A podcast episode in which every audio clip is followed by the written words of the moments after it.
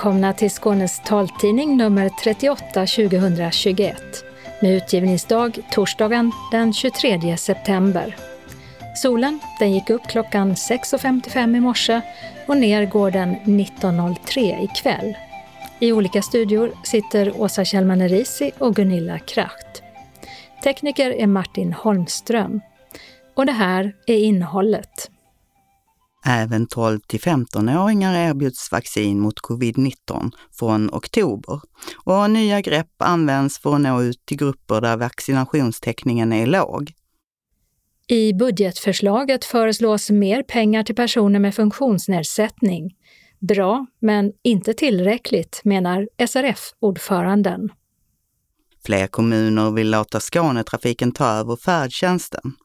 I Trelleborg har ett enigt arbetsutskott tagit beslut som föreslår en övergång under 2023. Han ser det som sin uppgift att under coronapandemin berätta om komplicerade ting så att vem som helst kan förstå. Månadens ansikte är Malmöbon Farshid Jalalvand, expert inom bakteriologi och vaccinutveckling. Höstmodet för fötterna är tidlöst och klassiskt, men traktorsulor är en stark trend. Annons från Skånes dansteater. Öppnat och stängt med minnesmuseum och kyrklig hage. Evenemangstips med film, föreläsningar och författarsamtal. Kalendern med hävda restriktioner, hundsjukdom och hitlåtar med sting anslagstavlan med regionala och lokala meddelanden och inbjudningar samt ändringar i kollektivtrafiken. Och sist redaktionsrutan. Men vi börjar med hur det ser ut med coronaläget. Det är nu klart att också 12 till 15-åringar ska erbjudas vaccin mot covid-19. Från början så var rekommendationen till regionerna att börja vaccinera i november, men det har nu flyttats fram till början av oktober eller närmare bestämt från 11 oktober. Liksom vuxna ska barnen i åldersgruppen erbjudas två doser och rekommendationen från Folkhälsomyndigheten är att hälso och sjukvården samarbetar nära med skolorna och elevhälsan för att alla barn som vill vaccineras ska nås. Den senaste veckan har det också kommit råd för vuxna som inte är fullvaccinerade mot covid-19. De uppmanas ta särskild hänsyn till personer i riskgrupp och personer som är 70 år eller äldre. Hålla avstånd till andra människor för att inte själva bli smittade. Och i måndags den 20 september övertog vårdcentralerna i Skåne ansvaret för vaccinationerna. För att boka tid ringer man den vårdcentral där man är listad. Privata aktörer vaccinerar fortfarande några veckor till de som tagit sin första spruta där och behöver en andra dos. Och runt om i Skåne försöker man nå grupper som ännu inte vaccinerat sig. Vid Malmö FFs match häromveckan erbjöds vaccinering vid moskén i Malmö likaså, och även på Vallåkra-träffen så kunde besökarna vaccinera sig på en drop-in-mottagning med flera initiativ för att nå grupper där vaccinationstäckningen är låg. Länsstyrelsen i Skånes samhälls och hälsokommunikatörer finns på plats i denna vecka på olika skånska orter för att hjälpa dem som vill att boka vaccination. De lämnar information på flera olika språk och kan hjälpa till att boka tid även för dem som inte har mobilt bank-id. Till Trelleborg kommer man den 23 september klockan 10 till 13 på Söderslättsgymnasiet i anslutning till SFI samt klockan 13 till 16 utanför Citygross. Burlöv Center får besök den 24 september klockan 16 till 20 och där finns även drop-in vaccination som erbjuds under hela denna vecka. Och när vi läser in tidningen den här veckan, på tisdagen den 21 september, så är det sju patienter som intensivvårdas för covid-19 på de skånska sjukhusen, medan 32 personer vårdas på vårdavdelning. Rapporterade Åsa Kjellman Erisi. I måndags la regeringen fram sin budget, men redan i slutet av förra veckan så presenterades några reformer som ska förbättra den ekonomiska situationen för personer med funktionsnedsättning. bland annat genom höjd sjuk och aktivitetsersättning. Bra, men inte tillräckligt, menar Synskadades riksförbund. Vi hör först socialförsäkringsminister Ardalan Shekarabi under regeringens presskonferens. Det här är satsningar som kommer göra skillnad för de personer som är i störst behov av samhällets stöd. Regeringen har redan presenterat att skatteklyftan mellan de som för tillfället arbetar och de som får sjuk och aktivitetsersättning ska tas bort. Men nu går vi också fram med förslag om att garantinivån i sjuk och aktivitetsersättningen ska höjas. Det kommer innebära bättre ekonomi för över 160 000 människor, en grupp som vi vet är ekonomiskt sårbar. För personer som idag uppbär garanti, garantiersättning kommer förslaget innebära att garantiersättningen höjs med uppemot 1000 kronor per månad. Många personer med sjukersättning eller aktivitetsersättning har fått höjda boendekostnader som bostadstillägget inte har anpassats till. Vi föreslår därför att taket i bostadstillägget inom sjuk och aktivitetsersättningen ska höjas från 5 600 kronor till 7 500 kronor. Sa socialförsäkringsminister Ardalan Shekarabi vid regeringens presskonferens. Och eh, SRF-ordföranden Niklas Mattsson, han tycker så här om förslagen. Det är naturligtvis eh, väldigt positivt att man skjuter till mer pengar till de här grupperna. det har ju legat efter väldigt länge. Är detta en rejält märkbar förbättring av ekonomin för den som lever på sjuk eller aktivitetsersättning? Niklas Mattsson igen. Ja, men det ska jag säga. Med tanke på hur, hur låga de här ersättningarna är så blir det ju skillnad. Men samtidigt så är det ju väldigt låga ersättningar från början så att det skulle ju behövas ännu mer pengar. Men en tusenlapp i månaden gör ju gott för de som, som lever på de här låga nivåerna. Och sen finns det en annan del där det handlar om höjt bostadstillägg för den som har sjukersättning och aktivitetsersättning. För de utav eh, våra grupper som har bostadstillägg så är det klart att det kommer att göra skillnad. Men, men eh, alltså, allt som de skjuter till är ju bra. Sen så om man, om man då tittar på hur, hur nivåerna ser ut så, så de som har full aktivitetsgaranti det är ju ändå under 20 000 kronor i månaden. Så att det är ju ändå det är ju lågt så att det, eh, det behövs ju ännu mer. Men, men eh, vi, vi ser positivt på att man har prioriterat att lägga de här pengarna på de här grupperna som har det svårast. Vad är det som behöver göras eh, mera för den som får den här ersättningen? Det är ju istället för ett arbete. Ja, men så är det ju. Det, det, självklart så behövs det åtgärder, arbetsmarknadsåtgärder. Vi ser ju till exempel att eh, för synskadade så är ju, jag har ju en arbetslöshet på runt 50 procent.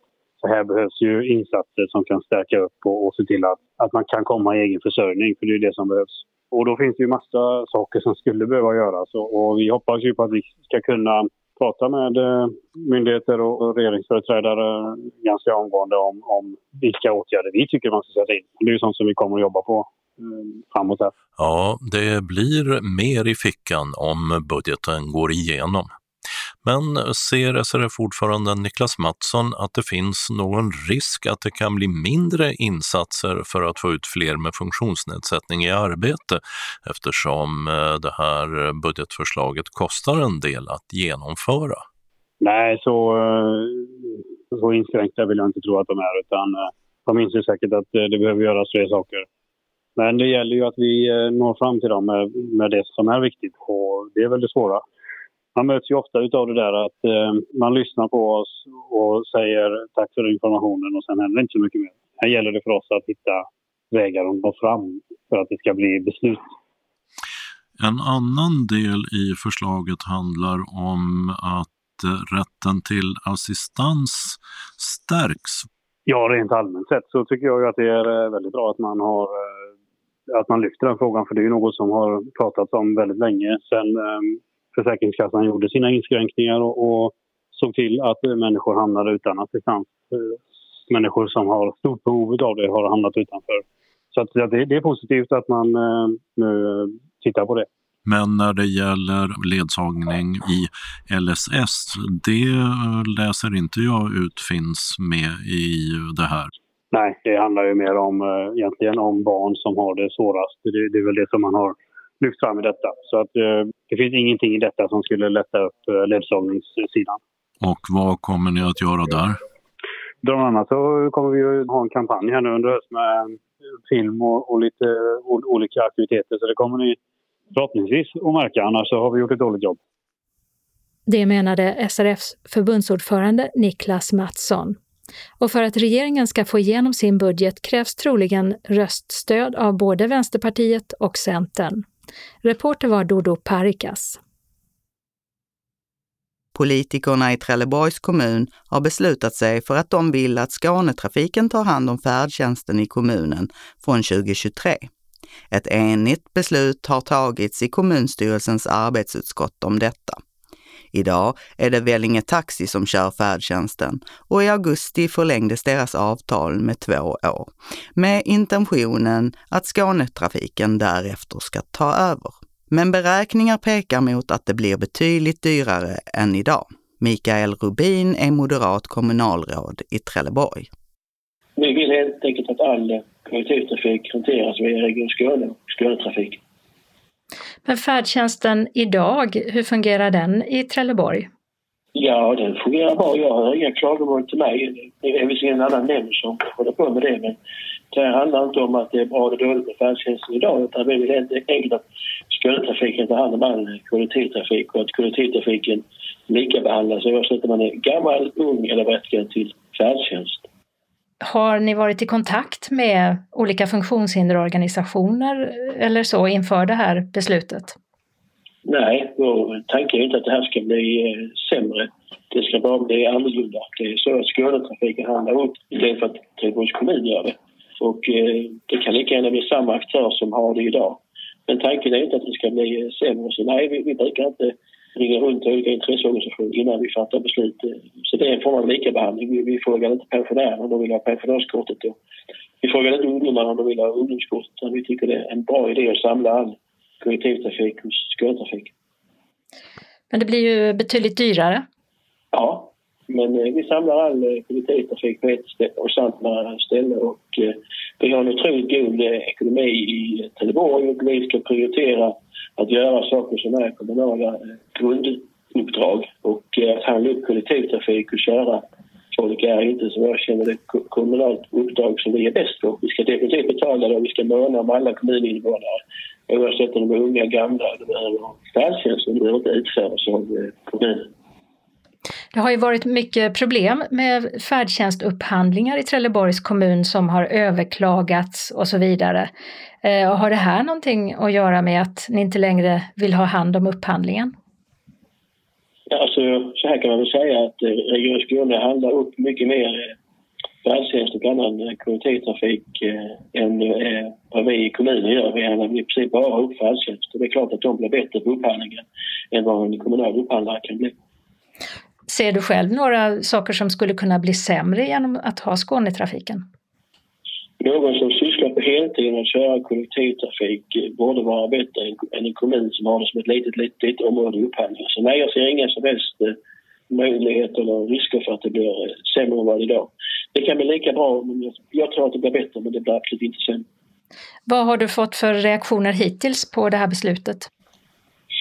Än så länge så har det varit en eh, insändare av en eh, person som företräder FUB.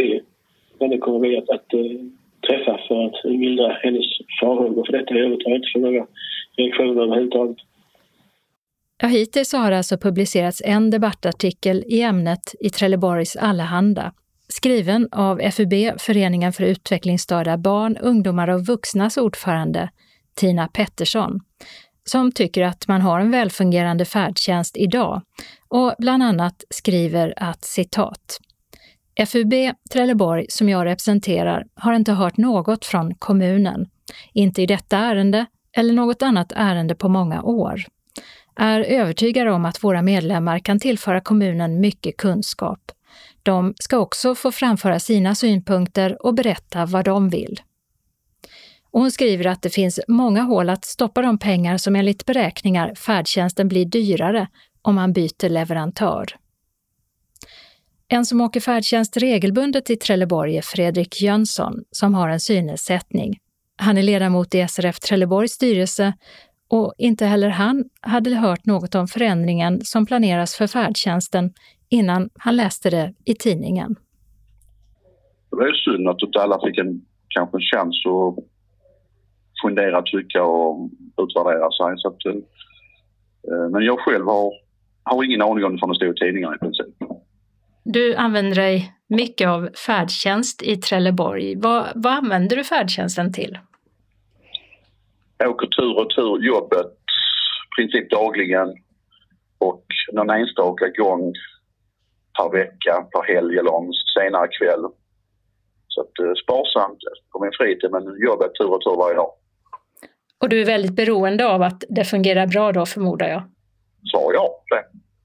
Vi ska vara punktliga och någorlunda i plus minus en kvart. Det är helt okej. Jag har bokat tiden så jag har marginal. Och hur eh, fungerar det idag? Bra. Kan du bara säga bra på det. Och för Fredrik Jönsson spelar vem som är huvudman för färdtjänsten inte så stor roll, utan han tar kontakt direkt med det bolag som kör färdtjänsten när han stöter på problem. Bolagen kör mig, det är de som ser till så tjänsten blir utförd. Om de inte får reda på om chauffören är bra eller dålig, de måste ju få reda på saker och ting. Ibland bara säger en resenär någonting till, till en tidning kanske att det här är kast. Men varför inte prata med någon först och få reda på varför det blev en olycklig omständighet? En försening eller en... Man kan inte skylla på punktering alltid men det kan ju finnas olika andra anledningar som gör att man måste ha en dialog. Och jag är helt övertygad om att det är väldigt få människor som kör en dialog innan de bara eh, lite ramaskri. Så jag kör, jag kör hellre rakt ner till de som är ansvariga på bolaget att vad har hänt och varför? Och får jag inga vettiga svar så får jag gå vidare i så fall. Men nej, jag tycker att huvudmanskapet spelar inte så stor roll för mig. Det sa Fredrik Jönsson. Och idag är det 25 av Skånes 33 kommuner som har Skånetrafiken som leverantör av färdtjänsten. Även i Kävlinge kommun finns ett förslag om att låta Skånetrafiken köra färdtjänsten från våren nästa år. Och i dagarna tas ärendet upp i omsorgsnämnden. Sen blir det beslut i fullmäktige i oktober. Reporter Åsa Kjellman Erisi. Månadens ansikte heter Farshid Jalalaband, 37 år gammal och Malmöbo. I sin roll som forskare och expert inom bakteriologi och vaccinutveckling dyker han ofta upp i media för att uttala sig om covid-pandemin. Mikrobiologen Farshid ser det helt enkelt som sin uppgift att som disputerad forskare berätta om komplicerade ting så att vem som helst kan förstå. Vi träffade honom på Skånes universitetssjukhus, SUS, i Malmö, där den medicinska fakulteten vid Lunds universitet har lokaler och där vägarna för medicinstudenter, sjukvårdspersonal och forskare som Farshid Jalavand korsas. Studenterna har ju inte varit här. Här finns rätt mycket studenter och de har inte varit här. Du har varit här under hela pandemin? Ja, förutom eh, i början var jag föräldraledig. Så då var jag hemma. Men eh, efter det har jag varit på labbet hela tiden. Och du kom eh, ut här och jag hade väntat mig att du skulle vara klädd i vita kläder men det är du inte. Nej, eh, labbrock stannar kvar i labbet när man går ut så det kan ju vara kanske kontaminerat med någonting farligt. Så därför ska man inte springa runt med det utanför labbet. Så man tar på sig det när man går in i labbet så tar man av sig det när man går utanför.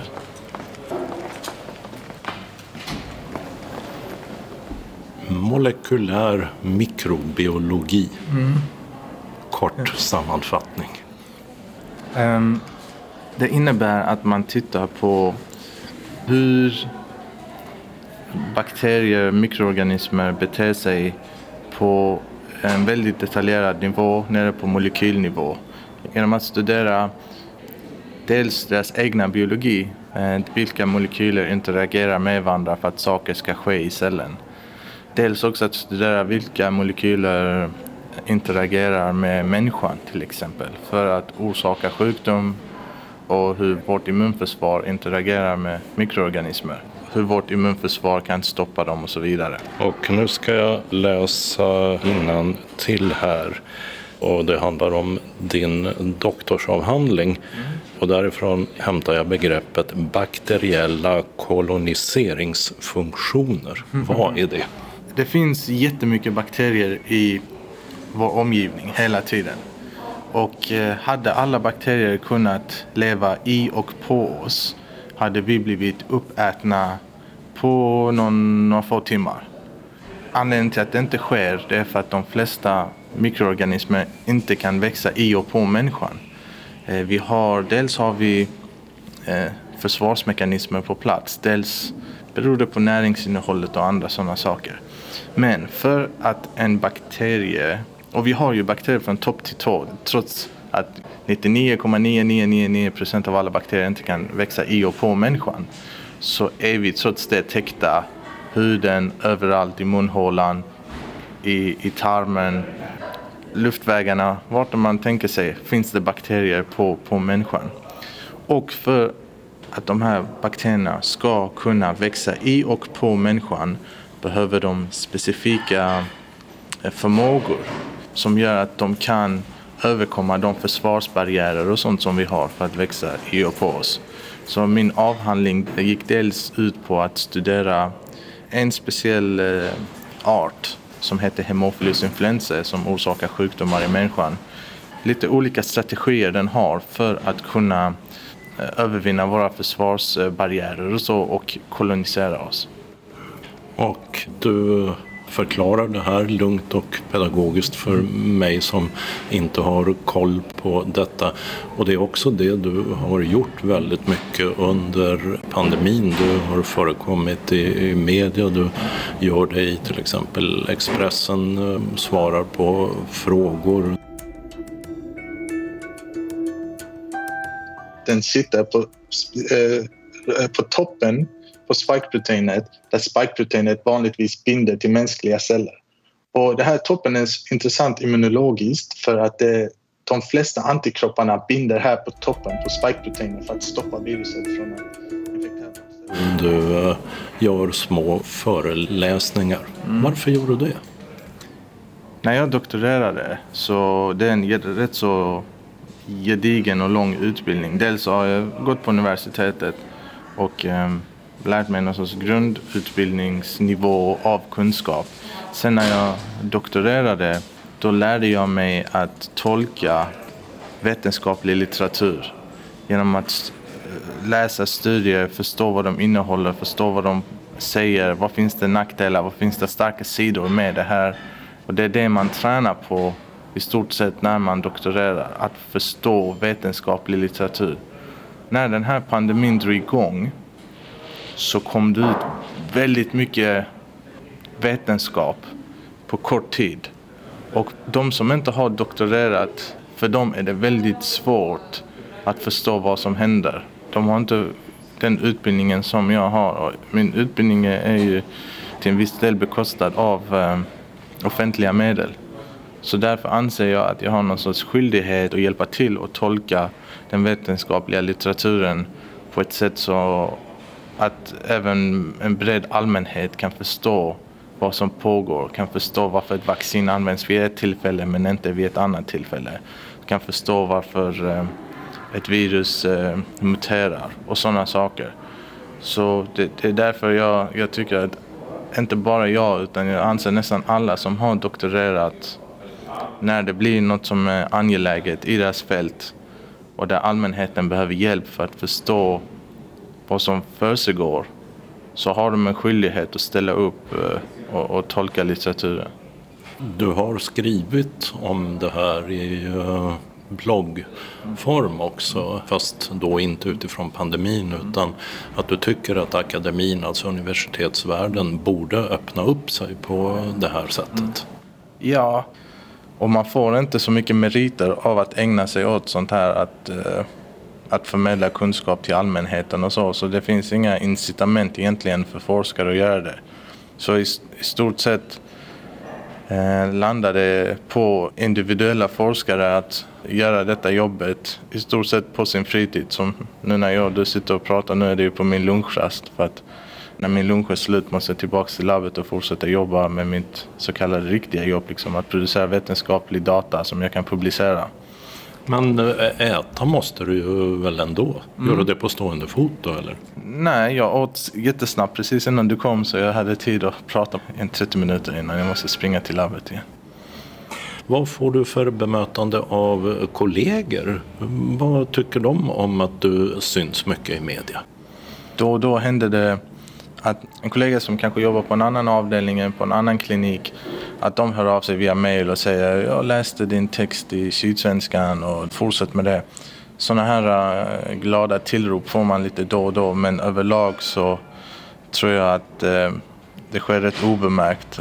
Du sa att man samlar inte så mycket poäng så att säga inom den akademiska världen på det men det finns ingen animositet, ingen, inget negativt bemötande av den anledningen att du så att säga går utanför ramarna och förenklar saker och ting för vanligt folk mm. där ute.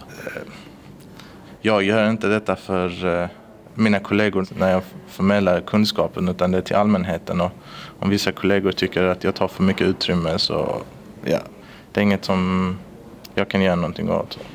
Jag gick igenom och läste vad du har sagt i intervjuer och så under pandemin och, och så plötsligt så fick jag en känsla av att men oj, det här känns redan som historia. När vaccinet var på väg, om det var farligt eller mm. inte och, mm. och, och, så vidare. Och smittskyddsåtgärder och munskydd. Mm. Och så plötsligt så känns det som att oj, det här var då. Och håller vi på att lämna det bakom oss redan, eller hur är det? Vi har ju trott flera gånger att vi är, vi är på väg bort och att vi ser en eh, ljusning, alltså vi ser slutet och så.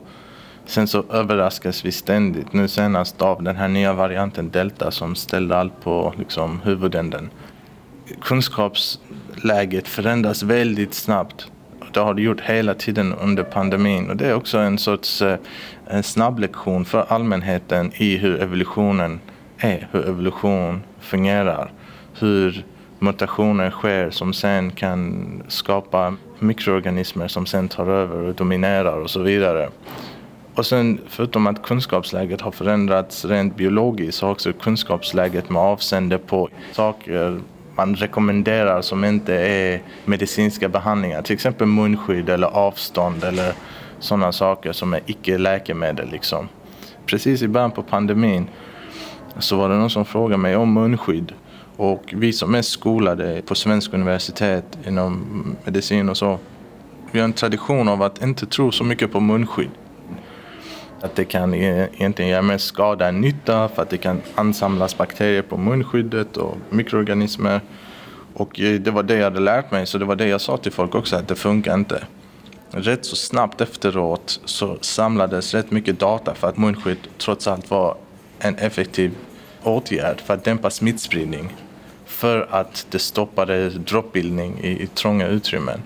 Och då ändrade jag min åsikt rätt så snabbt och gick ut och sa det att eh, Nej, men munskydd kan faktiskt bidra till att dämpa smittspridning i trånga utrymmen där man inte kan hålla avstånd och där det blir oavsiktligt trångt, till exempel på kollektivtrafik och så. Och kunskapsläget, att det förändras, är något man måste vara ödmjuk inför både som forskare men också som allmänheten. Att när en forskare gör rekommendationer så det är baserat på hans eller hennes samlade kunskap och utbildning och det de vet om man lär sig något nytt så måste man kunna ändra sig och säga okej, okay, men jag hade fel angående detta, jag visste inte bättre. Det nya kunskapsläget tyder på en annan rekommendation än vad man tidigare tyckte. Får du mycket skit från vaccinmotståndare? Ja, de är väldigt högljudda liksom på nätet. Det är inte bara vaccinmotståndare, det är en salig blandning av folk som inte tror på pandemin som tror att pandemin är påhitt, eh, liksom en konspiration för att staten ska ta över våra liv. Eh, tillsammans med då vaccinationsmotståndare, tillsammans med främlingsfientliga. Så man, man får höra rätt mycket, läsa rättare sagt på nätet. Säger du att du får höra negativa kommentarer på grund av ditt ursprung och ditt namn? Ja, det är klart varje gång jag är i media och, och kommenterar något om vacciner och så. Så finns det alltid någon kommentar om att eh, Varför har ni skickat fram den här personen och varför? Och sen med massa tillhörande adjektiv till och så. Baserat på etnicitet och eh, det är som att det är en kombination av eh, de som eh, till exempel tror på konspirationsteorin om att pandemin är påhittad.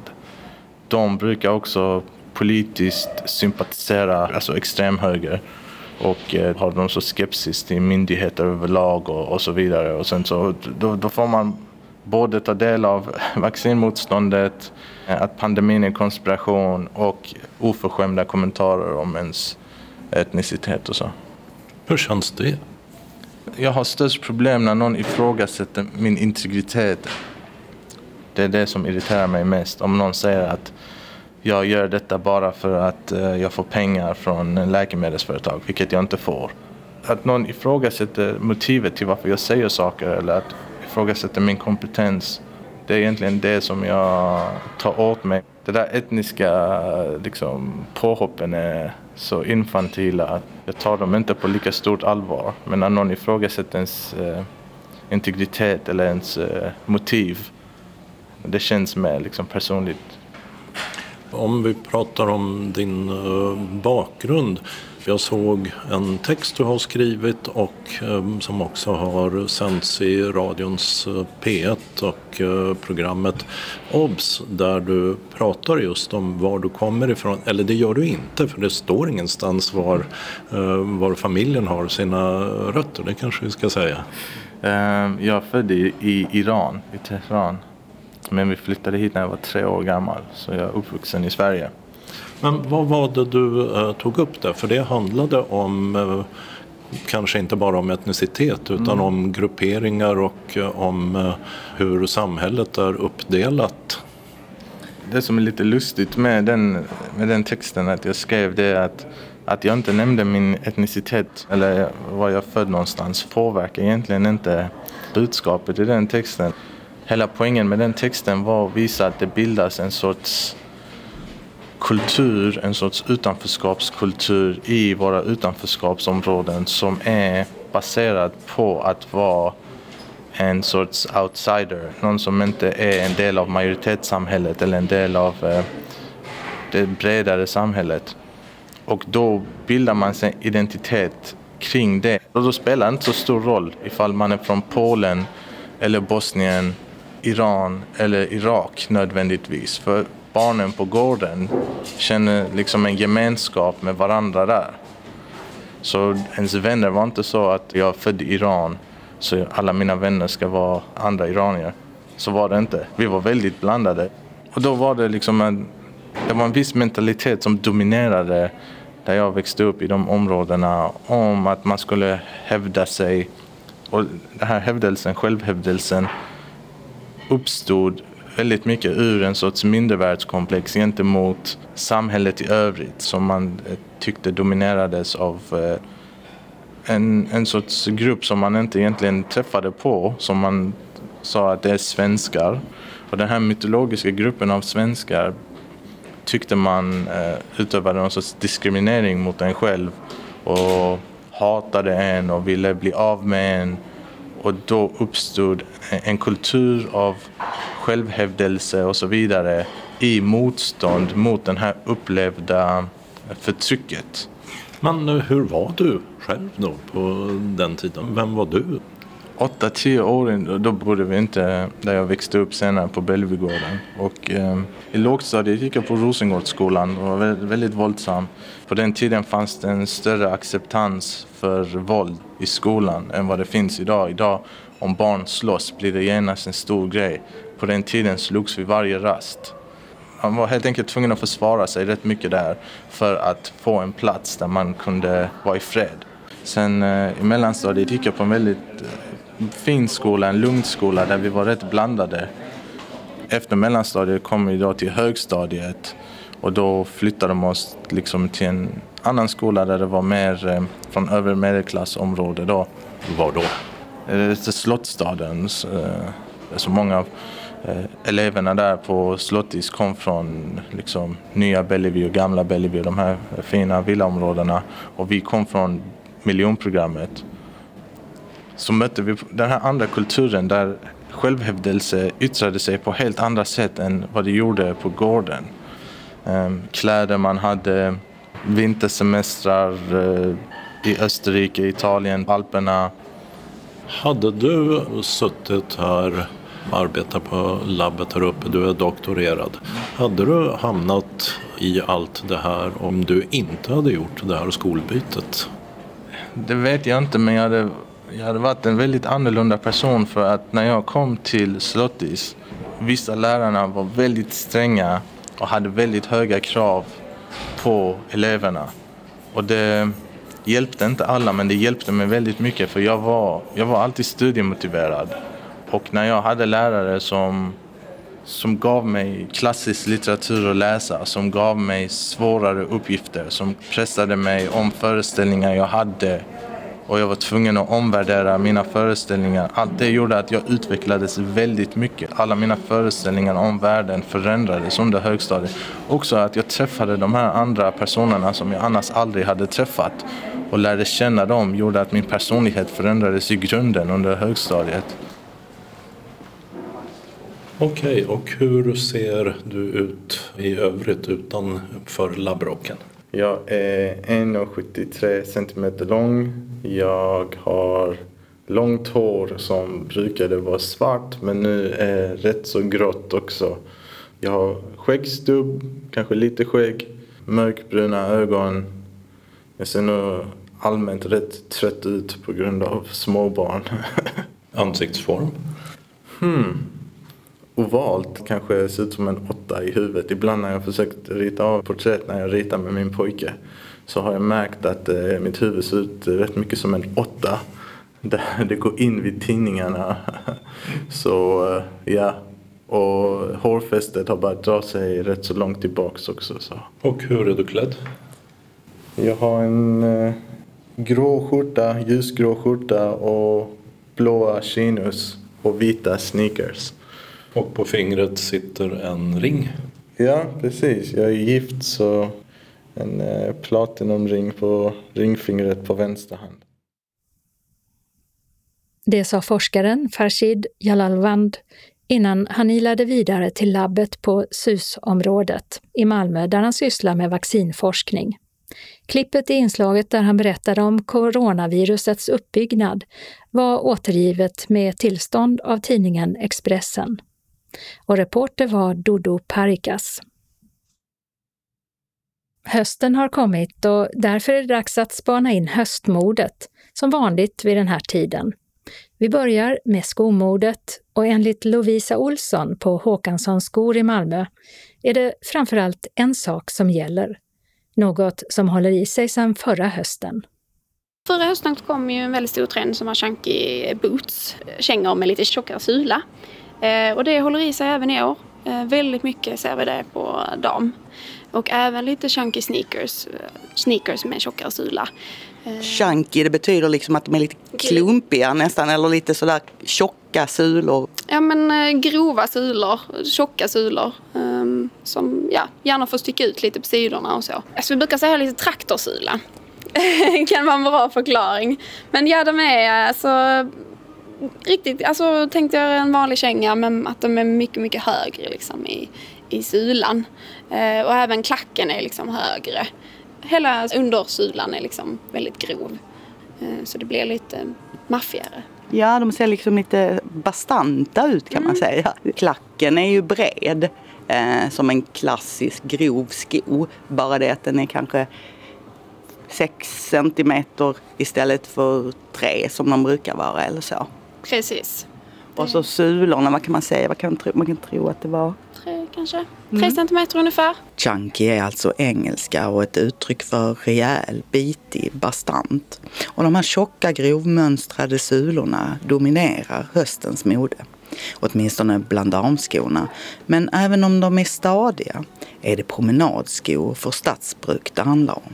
Ja, det är vardags och festskor skulle jag säga. Uh promenader. Eh, men det är ju inget du använder för att arbeta i eller så. Utan det är bara en trend vi har. Ja, den är inspirerad kanske av ja. skogsarbetare eller, eller grövre arbetarskor. Så mm. kanske man skulle kunna säga. Mm, precis. Ja. Mycket loafers är ja. det. Ehm, också med eh, traktorsulan, eh, chunky. Eh, det är väldigt stort i år. Helt vanlig klassisk loafer ovanpå och sen så sätter de på den grova sulan med bra mönstring eh, under till. Så det är liksom som en rejäl sula kan man säga och den har liksom rejält mönster under till och den är som ett par centimeter tjock. Eh, motsatt till kanske den traditionella som kanske bara är en centimeter eller något sånt där. Exakt, precis. Den är mycket grövre liksom. Men den är ändå elegant upp till. Eh, det möter eh, varandra där. det är mest svart och brunt. Ja, vi är lite tråkiga där för det är mycket brunt och svart i år. Det verkar gå hem mest. ja, det kanske också är det att på ett sätt är väl kanske en sko också en investering så att man kanske vill att den ska hålla ett par säsonger och de här är ju så rejäla så de, de lär ju göra det också. Alltså det här är ju skor som kanske håller ett par år. Precis, så då väljer man oftast en klassisk färg för att då kan man matcha det lite mer till olika kläder och outfits. Men sådana kängor, kan man ha dem till vad som helst då tycker du, med de här med så grova sulor? Ja, du kan ha det både till klänning och till byxor. Det är mycket vida byxor i år så att det är jättesnyggt att ha tajtare skaft på kängan och så det är lite grova ner till. Alltså jag tycker det funkar till allt. Eh, så det är en väldigt praktisk eh, sko. Och så, det finns några snörkängor men de allra flesta verkar vara sådana här Chelsea boots med resår i sidorna. Precis, för jag tror att eh, man är lite lat så man kanske inte vill knyta lika mycket. Men det finns ju både också klart. Men det är mest trend med antingen resår eller om man har en dragkedja. Alltså färgerna är ju svart och brunt men det, det blänker på några skor. Ja. Eh, mm. vi har ju även lite lackvarianter. då är det istället för eller ja, svart lack på de chunky kängorna. Så det, det är också en trend liksom, att de är lite lackare i, i finishen. Men vill man vara extra trendig så ska man satsa på den här tjocka grövre sulan oavsett skotyp egentligen. Ja, det skulle jag säga. Det är höstens stora trend. Och sen har vi även outdoor. Eh, mer eh, skor som är vattentäta och bra att gå i. Under pandemin har vi fått lära oss att vi ska vara mer ute och eh, utforska naturen. Ja, en annan trend som också den har ett engelskt namn är det som kallas outdoor alltså utomhus. Tåliga skor som kanske mer är utformade efter funktion än mode. Sådana finns det gott om bland herrskorna också, men det som kallas chunky med överdrivet tjocka sulor saknas nästan helt här. Herrmodet är helt enkelt mera tidlöst och klassiskt. Ja, det är mycket klassiska Chelsea boots och, men även också outdoor-skor som är fokus på bra grepp, eh, vattentäta och eh, eh, bra att gå i helt enkelt. Herrar kanske inte har lika mycket chunky, det är lite mer klassiskt ser vi där. Ja, vanliga Chelsea boots.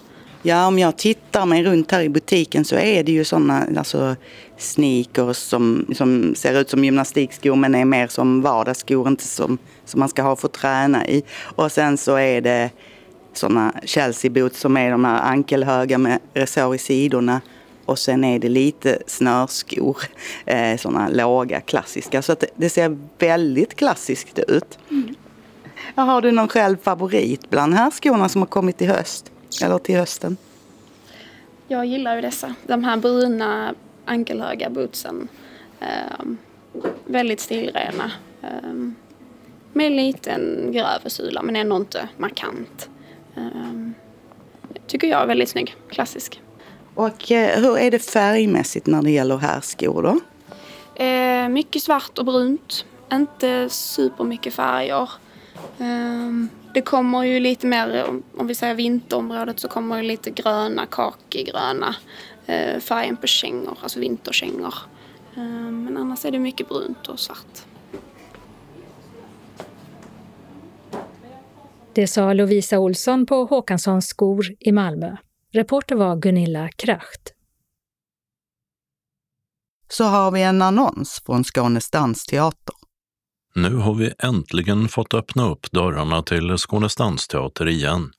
Och i höst bjuder vi in eh, till inte mindre än fyra föreställningar som vi syntolkar, varav tre på Skånes dansteater och en på Malmö Opera. Som vanligt ses vi en timme innan föreställningen för en introduktion. Syntolk är Gunilla Kracht. Information om föreställningarna. Vinterresa är ett nytt verk av koreografen Carl Kniff för dansaren Madeleine Månsson. Verket tar avstamp i Franz Schuberts sångcykel Winterreise baserat på Wilhelm Müllers dikter. I Vinterresa får du följa Madeleine Månsson på en scenisk färd genom ett mångfacetterat landskap. I detta självbiografiska verk vävs text och rörelse samman kring frågor om minnet och dess natur. Hur minns vi platser, personer och händelser? På vilket sätt lever det förflutna kvar i oss och hur påverkar det vi har upplevt nuet och vår framtid? Ges med syntolkning lördag 9 oktober på Skånes Dansteater. Introduktion 17.00. Föreställningen börjar klockan 18 och är cirka 30 minuter lång. Mixed Doubles består av fyra nya duetter som beställts via det europeiska projektet Europe Beyond Access. Här samlas danskonstnärer med och utan funktionsvariation från Sverige, Grekland, Italien och Nederländerna. Vad för oss närmare varandra och vad vill vi fira i varandra? Hur kan vi omvandla gamla föreställningar om perfektion och skönhet? Hur kan dans uttrycka de olika möten vi har i livet? Från energigivande dialoger till stunder av ömhet och omsorg. Ges med syntolkning torsdag 18 november på Skånes Dansteater. Introduktion klockan 18 och föreställningen börjar 19.00 och tar cirka en och en halv timme. Vår dag är en dansupplevelse som omsluter dig och väcker upptäckarlust. En stund fylld av värme när den skånska vintern är som mörkast och gråast. Vår dag är både en konstupplevelse och en dansföreställning. Dansarna blir dina ledsagare genom vår magiska spelplats bestående av textilkonstnären Malin Bobeck Tados interaktiva och färgsprakande installation Water. Koreografen Tina Tapgård och kompositören Lars Greve har inspirerats av rörelser och ljud som invånare i Skåne har fått bidra med under året. Vår dag är en unik upplevelse som du kommer bära med dig länge ges med syntolkning söndag 5 december på Skånes dansteater. Introduktion 13.00. Föreställningen börjar 14.00 och är cirka 45 minuter lång. Out of the Blue Förvänta dig det oväntade på denna musikaliska resa från Bach till Björk. Skånes dansteater, Malmö Operaorkester och Malmö Operas barnkör slår upp dörrarna till Out of the Blue ett nytt verk av den hyllade holländska koreografen Anouk van Dijk. Out of the Blue tar sitt avstamp i skapelsemyter från hela världen, genom historien fram till idag. En grupp träder fram ur en abstrakt blå värld. De samlar, uppfinner och visar upp föremål från förlorade, hotade eller påhittade världar. Rör sig tillsammans i en föränderlig procession förenas och kolliderar för att sedan gå samman igen. Forntida ritualer blir business, hednisk tro smälter samman med säsongsfester, människor förvandlas till cyborgväxter. Out of the Blue handlar om skapandets kraft och vårt motstånd mot att anpassa oss till osäkra omgivningar när vi förbereder oss för en ännu okänd framtid. Out of the Blue ges onsdag 15 december på Malmö Opera. Introduktion 18.00. Föreställningen börjar 19.00 och är cirka 75 minuter lång. Pris 100 kronor per föreställning. Ledsagare följer med utan kostnad. Bokning telefon 0703 44 58 11 eller mejl dialog snabela skanesdansteater.se. Öppnat och stängt. I Ystad har badhuset börjat att så smått öppna igen med fler bokningsbara platser till motionssimningen. och den 27 september öppnar familjebadet, vilket innebär att det nästan är som förut i badhuset. Antalet platser är fortfarande begränsat till 70 åt gången och man ska hålla avstånd fortfarande. I Bulöv har Stora Coop öppnat en ny butik efter att ha varit borta sedan butiken i Bulöv Center stängdes 2018.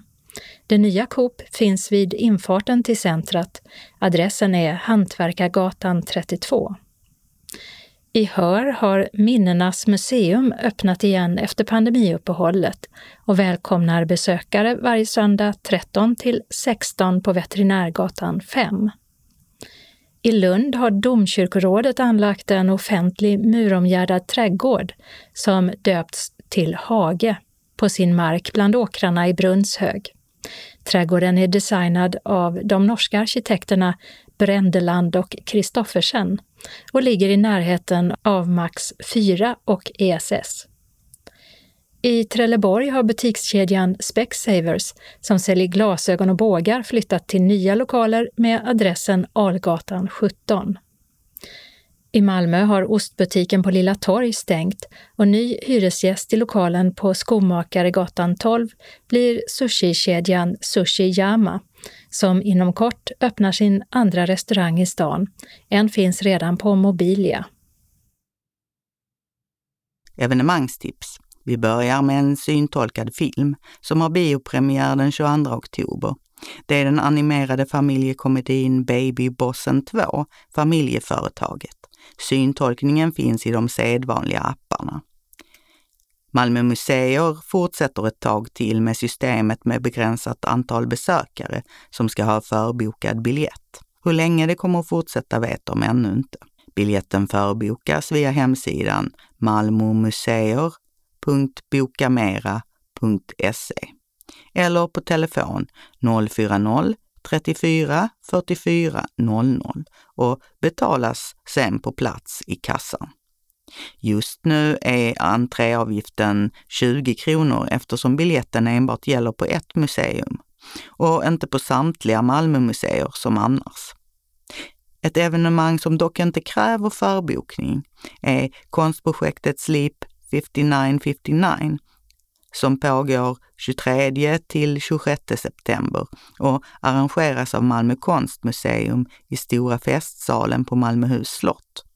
Projektet är det fjärde i en serie verk av den taiwanesiska konstnären Xu Li Xiang och bygger på idén om en sömnens estetik så som den beskrivs i Matthew Fullers bok How to Sleep, The Art, Biology and Culture of Unconsciousness. Dels serveras te bryggt på sömnfrämjande örter och så finns det möjlighet att som besökare sova i sängar som är utställda i salen med en och en halv meters mellanrum. Det arrangeras även fem läsningar, så kallade readings for sleeping, med uppläsning av texter som snarare än att vara intresseskapande ska vara sömnbringande. Den 23 september 1903 till 21.03 läser Tawanda Appia Black Sunlight av Dambutstu Mareshera och den 24 september 13 till 15 läser Parvin Ardalan No Friend But The Mountains av Berhus Bushani. 15 till 17 läser Ida Börjel årsredovisningen, The Annual Report. 17 till 19 läser Ansar Bakir Conclusion to the Iraq War Enquiry, genomförd av Sir John Chilcott. Och 19 till 21 läser Junu Kim Femte Moseboken på engelska. Max 30 personer får vistas i installationen och släpps in efter principen en ut, en in. Besök sker via dörren mitt emot museets entré och det är fritt inträde. Nyöppnade restaurangen Eld och Humle på Lundavägen 9 i Dalby kommer att arrangera konserter i höst. Den 24 september spelar bandet Hush Forever. 9 oktober står Karavan på scen och 23 oktober är det dags för Lakely. Musiken startar klockan 20 och enbart konsertbiljett kostar 100 kronor, medan inträde med meny kostar 350 kronor.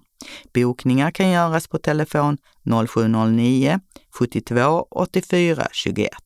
I Sankt Nikolai kyrka i Trelleborg ger musiker från Skytts och Vemmenhögs kontrakt konserten Cantica Colore söndagen den 26 september klockan 16. Det är fri entré. Gårdstånga Holmby föreläsningsförening drar igång sin verksamhet igen efter pandemiuppehållet. Och först ut är professor Ronald Kröger som pratar om hundars nosar den 29 september. Den 13 oktober kommer Roland Nilsson och berättar om sitt liv som pressfotograf. Och den som vill ha tips på vad som kan göras för att förbättra sömnen kan lyssna till Annika Astermark som den 27 oktober svarar på frågan En god natts sömn, hur viktigt är det egentligen? 10 november berättar Annette Nilsson från Röstånga om hur hon byggt upp sin köksträdgård. Och sist ut den här säsongen är musikgruppen Fyra Skägg som framför visor av bland annat Cornelis Vreeswijk. Samtliga evenemang är i Flyinge församlingshem och börjar klockan 19.15. Föranmälan görs till Britt Larsson som har telefon 0709 91 60 95 eller e-post BL Larsson som ett ord, BL Larsson telia.com. Örknereds föreläsningsförening håller till i Medborgarhuset i Lönsboda på söndagar klockan 18 och deras program består av det som skulle ägt rum förra hösten men som flyttats fram. 3 oktober kommer Norra Skånes chefredaktör Carl-Johan Bauler och pratar om arbete med tidningar förr, nu och i framtiden. 17 oktober är temat baptismen i Göinge och det är Ingela Frid som berättar. 31 oktober går färden till Estremadura i västra Spanien tillsammans med naturfotograf Thomas Jonsson. Och avslutningsvis blir det musikunderhållning med 3 på G den 14 november. Terminskort kostar 100 kronor medan inträde till enstaka föreläsning är 50 kronor. Föranmälan krävs och görs på telefon 0702 42 01 20. Till Simrishamns bibliotek kommer skådespelaren, nyblivna författaren och tillika nyblivna Simrishamnsbon Eva Fröling den 8 oktober klockan 17.30 för att prata om sin debutroman, den självbiografiska Moder Liv. Föranmälan görs till biblioteket på telefon 0414 81 90 00. Efter att det har varit tomt länge på marknadsplatsen i Sjöbo på grund av inställda marknader två år i rad blir det åter liv och rörelse där den 9 och 10 oktober. För då blir det Mikaeli marknad mellan 10 och 17. Den egensinniga skånska musikgruppen Bob Hund intar Helsingborgs stadsteater mellan den 9 oktober och den 12 november med Bob Hund musikal. Där får publiken följa musikgruppen Bob Katt som består av fem unga kvinnor genom med och motgångar. Föreställningen är två timmar och 30 minuter inklusive paus och biljetter som kostar 380 kronor kan köpas i Stadsteaterns biljettkassa. Jonas Gardell har återupptagit sin turné med föreställningen Queen of fucking everything. Skånska stopp, där det finns biljetter kvar, är Ängelholm, och Jarlkulle-scenen 16 oktober klockan 16, 9 och 10 november klockan 19 på Lunds stadsteater och så två föreställningar på Malmö Live den 4 december klockan 18 och klockan 20.30. Biljetter kostar 460 kronor och säljs via Ticketmaster till Lund och Ängelholm och till Malmö via Malmö Lives biljettkassa. I slutet av juni i år gick den legendariska musikern Peps Persson från Vittsjö i Hässleholms kommun ur tiden. Och den 11 december hålls en hyllningskonsert till hans minne med bandet Carry a Stone på Hässleholm kulturhus klockan 18. Biljetterna finns hos Nortic och kostar 250 kronor. Biljettinformation Tixter Telefon 0771 47 70 70. Helsingborgs stadsteater 042 10 68 10 Ticketmaster 0771 70 70 70 Malmö Live 040 34 35 00 Nortic 0455 61 97 00 Visit Lund 046 13 14 15 Kalendern för vecka 39 börjar med måndagen den 27 september då Dagmar och Rigmor har namnsdag. Europarådet inleder sin parlamentariska församling i Strasbourg i Frankrike. Den varar hela veckan och Sveriges riksdag deltar med en delegation. Europarådet är en sammanslutning av europeiska länder med syfte att värna demokrati och mänskliga rättigheter och ska inte förväxlas med Europeiska rådet som utgörs av stats och regeringscheferna i EUs medlemsstater. Den svenske skådespelaren Lennart Jäkel fyller 65 år. Han gick ut Teaterhögskolan i Malmö 1982 och har därefter varit verksam på teatrar runt om i landet. Han har också medverkat i en mängd filmer och tv-serier, däribland Jägarna, Så som i himmelen och Pistvakt. 1996 fick han en Guldbagge för sin roll som Leif Bäckström i just Jägarna. I höst står han på teaterscenen som Willie Loman i En handelsresandes död av Arthur Miller som sätts upp av Teater Västernorrland i Sundsvall. Och om han inte får nog av firande har han chansen även nästa dag. Tisdagen den 28 september heter namnsdagsbarnen nämligen Lennart och Leonard. Det är också internationella rabiesdagen som ska påminna om att den farliga sjukdomen som sprids till människor via bett från smittade djur, framförallt hundar, inte är utrotad. FNs mål är att sjukdomen ska vara borta till år 2030 och det viktigaste medlet för att nå dit är massvaccination av hundar runt om i världen. Onsdagen den 29 september är den dag som många säkert har väntat på. Det är då den svenska regeringen beslutat att en stor del av restriktionerna som gällt i samband med coronapandemin kommer att hävas. Deltagartaken för allmänna sammankomster och offentliga tillställningar tas bort. Deltagartaken för privata sammankomster i exempelvis hyrda lokaler tas bort. De restriktioner som fortfarande finns kvar på serveringsställen som storlek på och avstånd mellan sällskap tas bort. Folkhälsomyndighetens råd om att arbeta hemifrån tas bort och en successiv återgång till arbetsplatsen kan inledas. Men uppmaningen att den som har symptom fortsatt bör stanna hemma och testa sig står kvar. Denna dag vajar också den romska flaggan som har ett övre blått och ett undre grönt fält med ett rött hjul tryckt i mitten ovanpå båda fälten i många flaggstänger. Det är nämligen resandefolkets dag och år 2000 erkändes de resande som en nationell minoritet inom gruppen romer i Sverige. Mikaela och Mikael har namnsdag. Torsdagen den 30 september är det Helge som har namnsdag. Botswana har nationaldag och firar att det är 55 år sedan landet förklarade sig självständigt från Storbritannien. Och det är internationella översättardagen även kallad Hieronymusdagen efter översättarnas skyddshelgon. Oktober månad börjar fredagen den första med att Ragnar och Ragnar har namnsdag.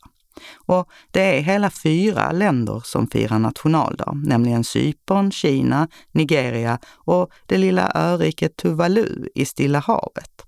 Det är också vegetariska världsdagen. Den brittiska Tory-politikern och före detta premiärministern Theresa May fyller 65. Hon tillträdde 2016 och avgick 2019 och var den första kvinnan efter Margaret Thatcher att inneha premiärministerposten i Storbritannien. Hon hade en viktig roll som den som förhandlade fram ett brexitavtal med EU, men lyckades inte förankra detta i det brittiska parlamentet och blev till slut tvungen att avgå. Theresa May är fortfarande verksam som politiker i parlamentet där hon företräder valkretsen Maidenhead. Det är 30 år sedan 10-kronan återintroducerades i det svenska myntsystemet efter att ha varit avskaffad i 90 år. Myntet är guldfärgat och har ett porträtt av kung Karl XVI Gustav på ena sidan och vapnet Tre kronor och siffran 10 på den andra. Det finns cirka 200 miljoner 10-kronors mynt i Sverige. Lördagen den 2 oktober är det Ludvig och Love som firar namnsdag. Och det är internationella icke-våldsdagen. Den brittiske musikern Gordon Sumner, mera känd som Sting, fyller 70 år. Han började sin karriär som basist och sångare i rockgruppen The Police, som hade stora hits på 1970 och 80-talen, exempelvis med Message in a bottle, Every breath you take och Roxanne. Sting inledde därefter en solokarriär med If you love somebody, set them free som en av sina mest framgångsrika låtar. 2017 tilldelades Sting Polarpriset och han har även engagerat sig mycket i kampen för mänskliga rättigheter. Söndagen den 3 oktober firar alla som heter Evald och Osvald namnsdag och det är den helige Mikaels dag. I Tyskland firas nationaldag, eller som det kallas Tag der Deutschen Einheit, alltså dagen för landets enande, för att högtidlighålla återföreningen mellan Västtyskland och DDR som ägde rum detta datum 1990. Det är även Iraks nationaldag. Och så fyller två kända fotbollsspelare 40, nämligen Malmösonen och den levande legenden Zlatan Ibrahimovic och den tidigare landslagsmålvakten Andreas Isaksson, uppvuxen i Smygehamn. Också den svenska skådespelaren Vera Vitali som medverkat i åtskilliga svenska filmer och tv-serier, exempelvis Arne Dahl och Josefin Bornebuschs Orka, fyller 40 denna dag. Och kanske firar de med en gräddtårta. Men själva bakverket kan också firas eftersom det är gräddtårtans dag. Den regionala anslagstavlan inleds med en inbjudan från SRF Riks. Under årets krisberedskapsvecka inbjuder Synskadades riksförbund till en digital informationsträff om hemberedskap som riktar sig till dig som är synskadad. Krisberedskapsveckan är årlig informationskampanj som ska öka människors motståndskraft inför samhällskriser och ytterst krig. I år genomförs krisberedskapsveckan den 27 september till 3 oktober. Tiden med covid-19 har gjort det tydligt för många hur det känns när vardagen vänds upp och ner och gett en ökad insikt om att vi vanligtvis tar mycket för givet. Under pandemin har påtagligt fler människor än vanligt agerat ansvarsfullt genom vardagsgärningar som att handla åt en granne. Krisberedskapsveckan vill på ett enkelt sätt bygga motståndskraft. Var och en behöver fortsätta att ta ansvar i vardagen för vår egen beredskap. Vi behöver också engagera oss lokalt så att vi kan bidra aktivt även under kommande kriser. Synskadades riksförbunds digitala informationsträff om hemberedskap. Vilka krav ställs på dig vid en kris? Vad kan kommunen göra för dig? Vad kan vi göra tillsammans vid en samhällskris? Synskadades riksförbund kommer att lotta ut punktskriftsmärkta kortlekar kombinerade med memoryspel. Spelet innehåller fakta om hemberedskap. Informationen är i storstil punktskrift och inlästa på talbok. Och tiden är torsdagen den 30 september klockan 17 till 18 och plats via Zoom telefon. Anmälan SRF Folkbildning folkbildning srf srf.nu. Och vi behöver en e-postadress för att kunna ge dig information om uppkoppling eller telefonnummer. Informationsträffen genomförs i samarbete med Sveriges civilförsvarsförbund och studieförbundet ABF. SRF Skåne bjuder in till litteraturträff tisdagen den 12 oktober 11.30 till 16 på Hotell Sankt Jörgen, Stora Nygatan 35 i Malmö. Vi har bokat Patrik Lundberg via Författarcentrum.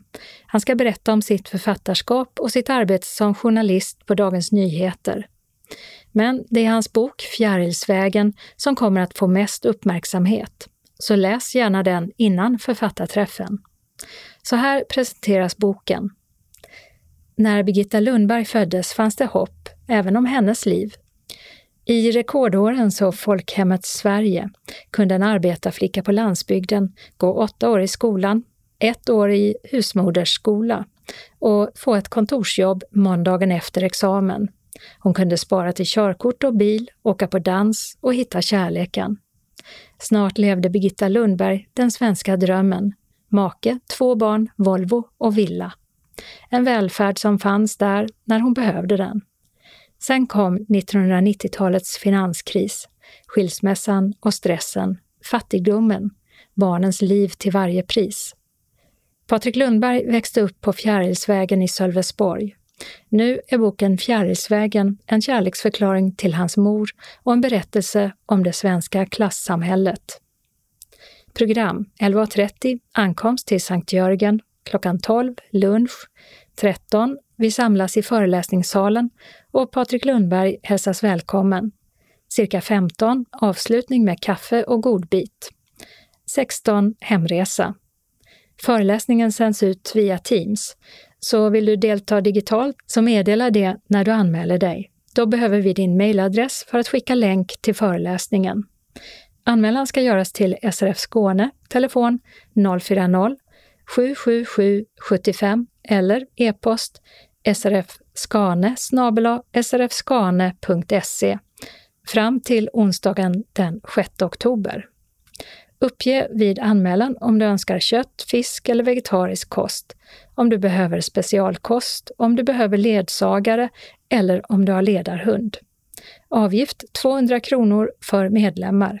Deltagande via Teams är kostnadsfritt. Du kan betala till bankgiro 484-09 89 eller swish nummer 123 312 6299.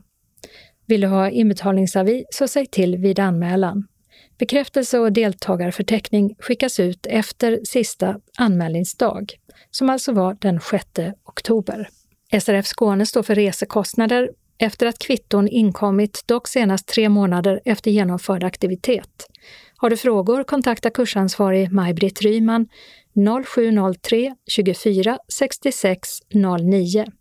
Varmt välkomna Arbetsgruppen för kultur och fritid. Och så har vi en ändring i den regionala kollektivtrafiken. Ett asfalteringsarbete på Kristian den andres väg i Ängelholm gör att två hållplatser för regionbussarna linje 503, 507, 510 och 511 är stängda fram till den 1 oktober klockan 16. Och hållplatserna som påverkas är hållplats Rönnehallen, läge A och B som stängs, hänvisning till linje 2s hållplats Rönnegymnasiet läge A och B cirka 500 meter västerut på Östergatan. Hållplats Bruksgatan Östra, läge A och B stängs. Hänvisning till linje 1 och 2s hållplats på Bruksgatan, läge A och B, cirka 400 meter västerut på Östergatan. Anslagstavlan för norra Skåne inleds med ett meddelande från SRF Västra Skåne. Månadsmöte tisdagen den 12 oktober klockan 14 till 16.30 i SRFs lokal på Vaktgatan 3 i Helsingborg. Fikaavgift 30 kronor. Sista anmälningsdag är måndagen den 11 oktober klockan 12 till kansliet på telefon 042 15 83 93 eller mejl srf.monica telia.com. Det blir en presentation av ändringar i stadgarna som bestämdes på kongressen. Jacques Schultze kommer att hålla ett föredrag om skånska mord. Om du inte står på den fasta listan och vill komma måste du meddela det till kansliet. Meddela också om du inte vill ha fika. Det kan bli många deltagare, så beställ färdtjänst i god tid. Välkommen önskar styrelsen. SRF Västra Skåne meddelar också att det är dags att beställa almanacka för 2022. Almanackan är i A5-format med text och siffror i svart färg och helgdagarnas datum i vit text mot röd ruta. Priset är 100 kronor. På framsidan kan du få ditt namn. Fram och baksidan är plastad. Beställ på kansliet eller mejla till srf.monikasnabelatelia.com. Om du inte kan hämta din almanacka kan vi skicka den till dig med inbetalningskort och portokostnad medtagen. Hälsar kansliet. Och Synskadades riksförbund i Ängelholm Båstad hälsar välkommen till ost och vinprovning med italienska smaker. Onsdagen den 6 oktober 17 till 21 i vår lokal på Torgträffen. Vi startar med lite mingel för att lära känna varandra. Och klockan 18 kommer Johan från Ängelholms ostbutik. Vi serveras ost och charkuterivaror med matchande viner eller alkoholfritt alternativ på temat italienskt. Vi avslutar kvällen med en kopp kaffe och en liten kaka. Dryckespaket, alkoholfri eller alkoholhaltig, kostar 100 kronor. Som betalas på plats med Swish eller kontant och det är för enkelhetens skull med tanke på alkoholpolicyn inom SRF. När ni anmäler er så berätta om ni behöver ledsagarhjälp. Vid mindre antal än 15 personer så ställs aktiviteten in. Och priset är 200 kronor plus dryckespaketet på 100 kronor. Lite om vår värd Johan Ingelsberg. Johan har sedan många år tillbaka drivit och utvecklat den lilla ostbutiken i Ängelholm till det lilla extra. Han har haft många fina arbetsplatser innan han tog sig an att bli sin egen. Däribland Hotell Mollberg i Helsingborg och hos ambassadören i Strasbourg, samt ett par år på båt i Medelhavet. Bindande anmälan och betalning ska göras till Marianne Jönsson på 070 710 45 79 eller Marianne Jonsson 95 snabela gmail.com senast fredag 24 september. Och Marianne stavas med två N och Jonsson med två S. Betalning till Bankiro 5972-8915 eller Swish 123 130 7214. Alla hälsas varmt välkomna av styrelsen SRF Ängelholm Båstad. Och så har vi en ändring i busstrafiken som påverkar linje 1 och 2 i Hässleholm. Ett vägarbete vid Statenarondellen på Kristianstadvägen och på Kaptensgatan gör att flera hållplatser påverkas fram till den 8 oktober klockan 16. För linje 1 gäller att hållplats Fisktorget läge A dras in. Hänvisning till hållplats Hässleholm central läge K på Järnvägsgatan. Hållplats Fisktorget läge B dras in. Hänvisning till hållplats Hässleholm central läge A på Järnvägsgatan.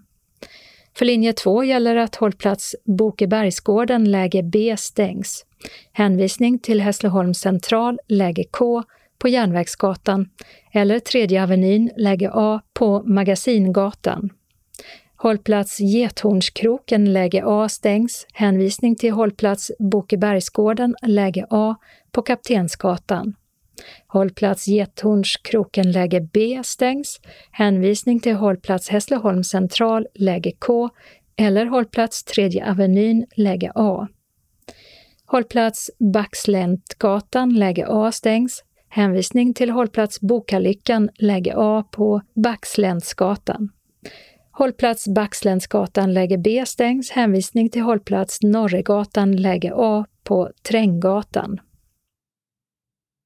Anslagstavlan i sydvästra Skåne inleds med ett meddelande från syninstruktörerna i Malmö kommun som meddelar att de arbetar heltid sedan den 1 september och har telefontid måndag till fredag klockan 8 till 10. Och telefonnumret är 040 34 56 82. SRF Malmö Svedala inbjuder till sopplunch på föreningen fredagen den 1 oktober klockan 12. Vi bjuder på köttsoppa och avslutar med kaffe och en liten kaka. Är du medlem i SRF Malmö Svedala får du allt det här för 30 kronor. Ej medlemmar betalar 50 kronor. Färdtjänst hem kan beställas till klockan 13.30.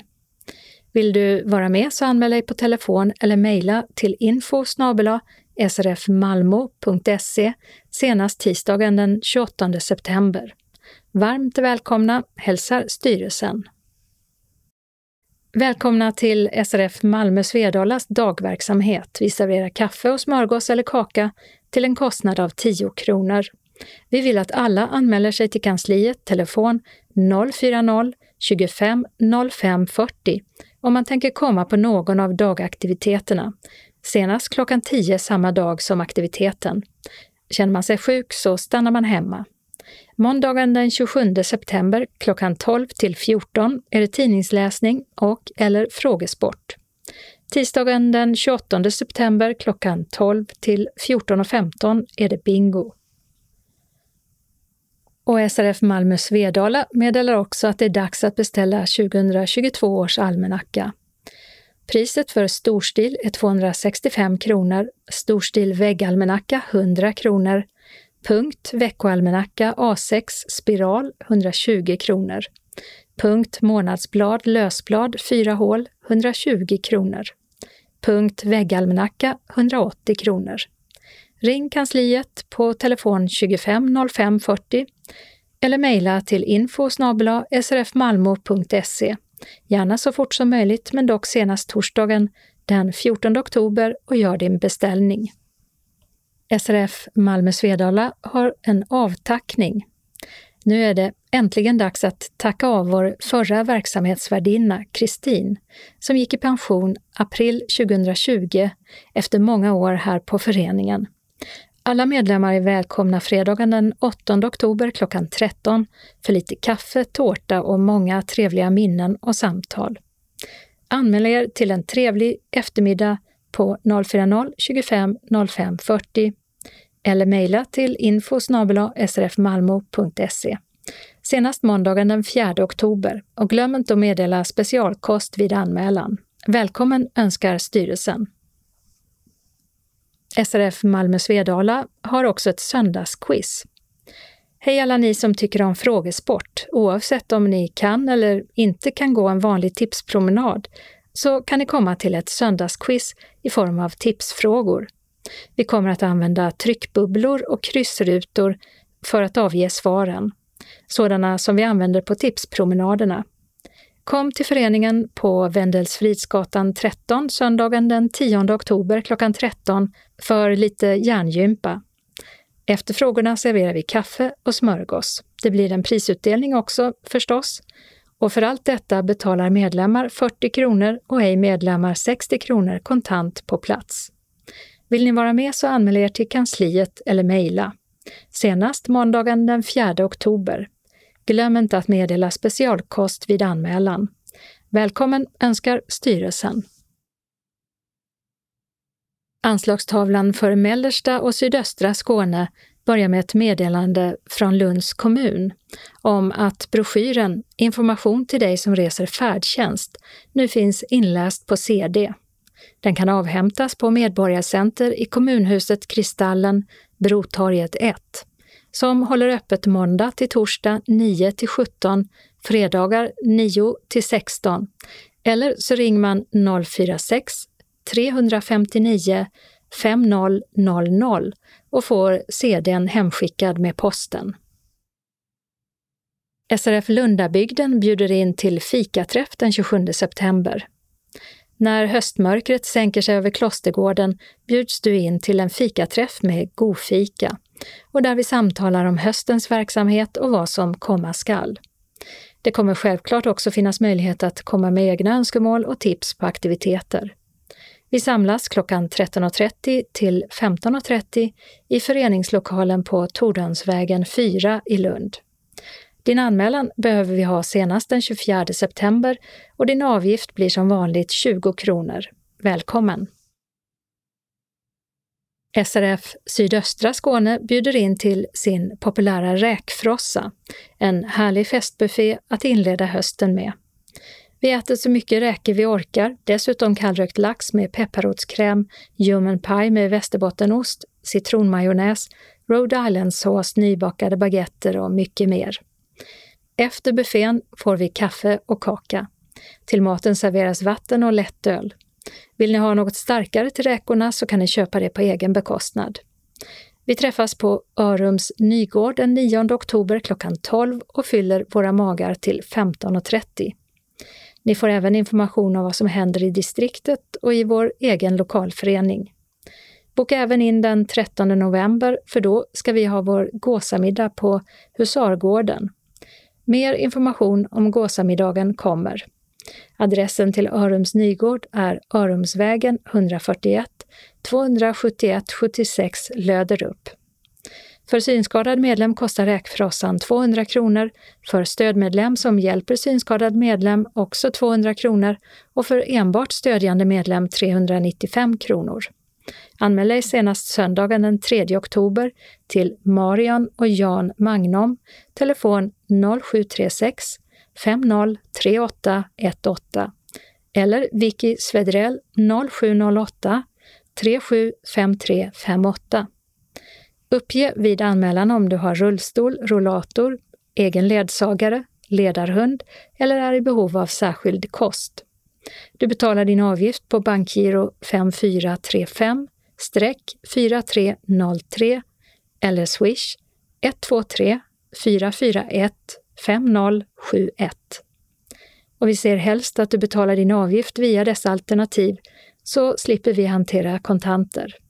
Anmälan är bindande. Medlemmar får sina resekostnader ersatta efter att vi fått kvitto kopia på färdtjänstfakturan senast tre månader efter räkfrossan. Skriv alltså in i kalendern räkfrossa den 9 oktober och gåsamiddag den 13 november. Hjärtligt välkomna hälsar styrelsen SRF Sydöstra Skåne. Och det var allt för Skånes taltidning för denna gång. Nästa gång vi kommer ut då är det torsdagen den 30 september. Skånes taltidning ges ut av Region Skånes psykiatri och habiliteringsförvaltning. Ansvarig utgivare är Martin Holmström. Postadress Jörgen Ankersgatan 12, 211 45 Malmö. Telefon 040-673 0970. E-post Skanes taltidning snabela skane.se och hemsida skanestaltidning.se. Observera att CD-skivorna inte ska skickas tillbaka till oss. Såväl skivor som kuvert kan läggas i brännbara sopor när ni inte längre vill ha dem. Vi hörs igen. Hej då!